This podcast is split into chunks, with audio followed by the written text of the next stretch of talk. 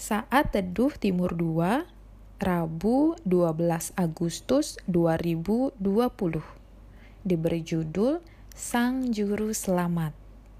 Diambil dari kisah para rasul 4 ayatnya yang ke-12.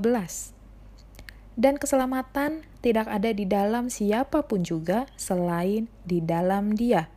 Sebab di bawah kolong langit ini tidak ada nama lain yang diberikan kepada manusia yang olehnya kita dapat diselamatkan. Banyak sekali pengajaran di muka bumi ini menjelaskan bagaimana cara memperoleh keselamatan, cara agar bisa masuk ke dalam surga.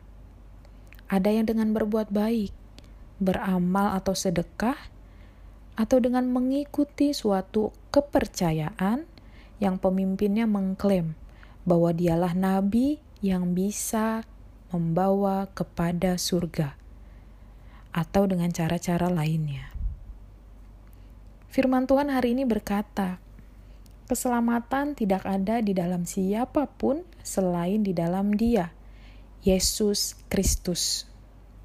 Ya, Yesus Kristus adalah satu-satunya utusan Allah, karena Yesus adalah Allah yang menjadi manusia.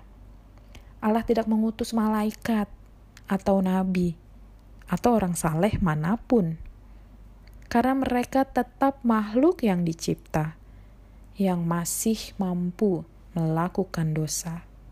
Sedangkan Yesus tidak ada satu bukti pun dia berdosa. Ia mempunyai kuasa yang menaklukkan maut. Ia adalah satu-satunya yang bangkit dari kematian tanpa pertolongan siapa pun.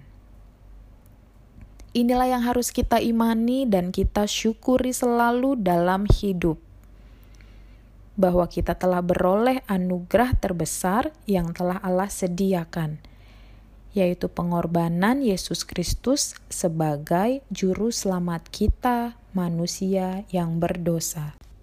Selamat menikmati hari baru. Tuhan Yesus memberkati.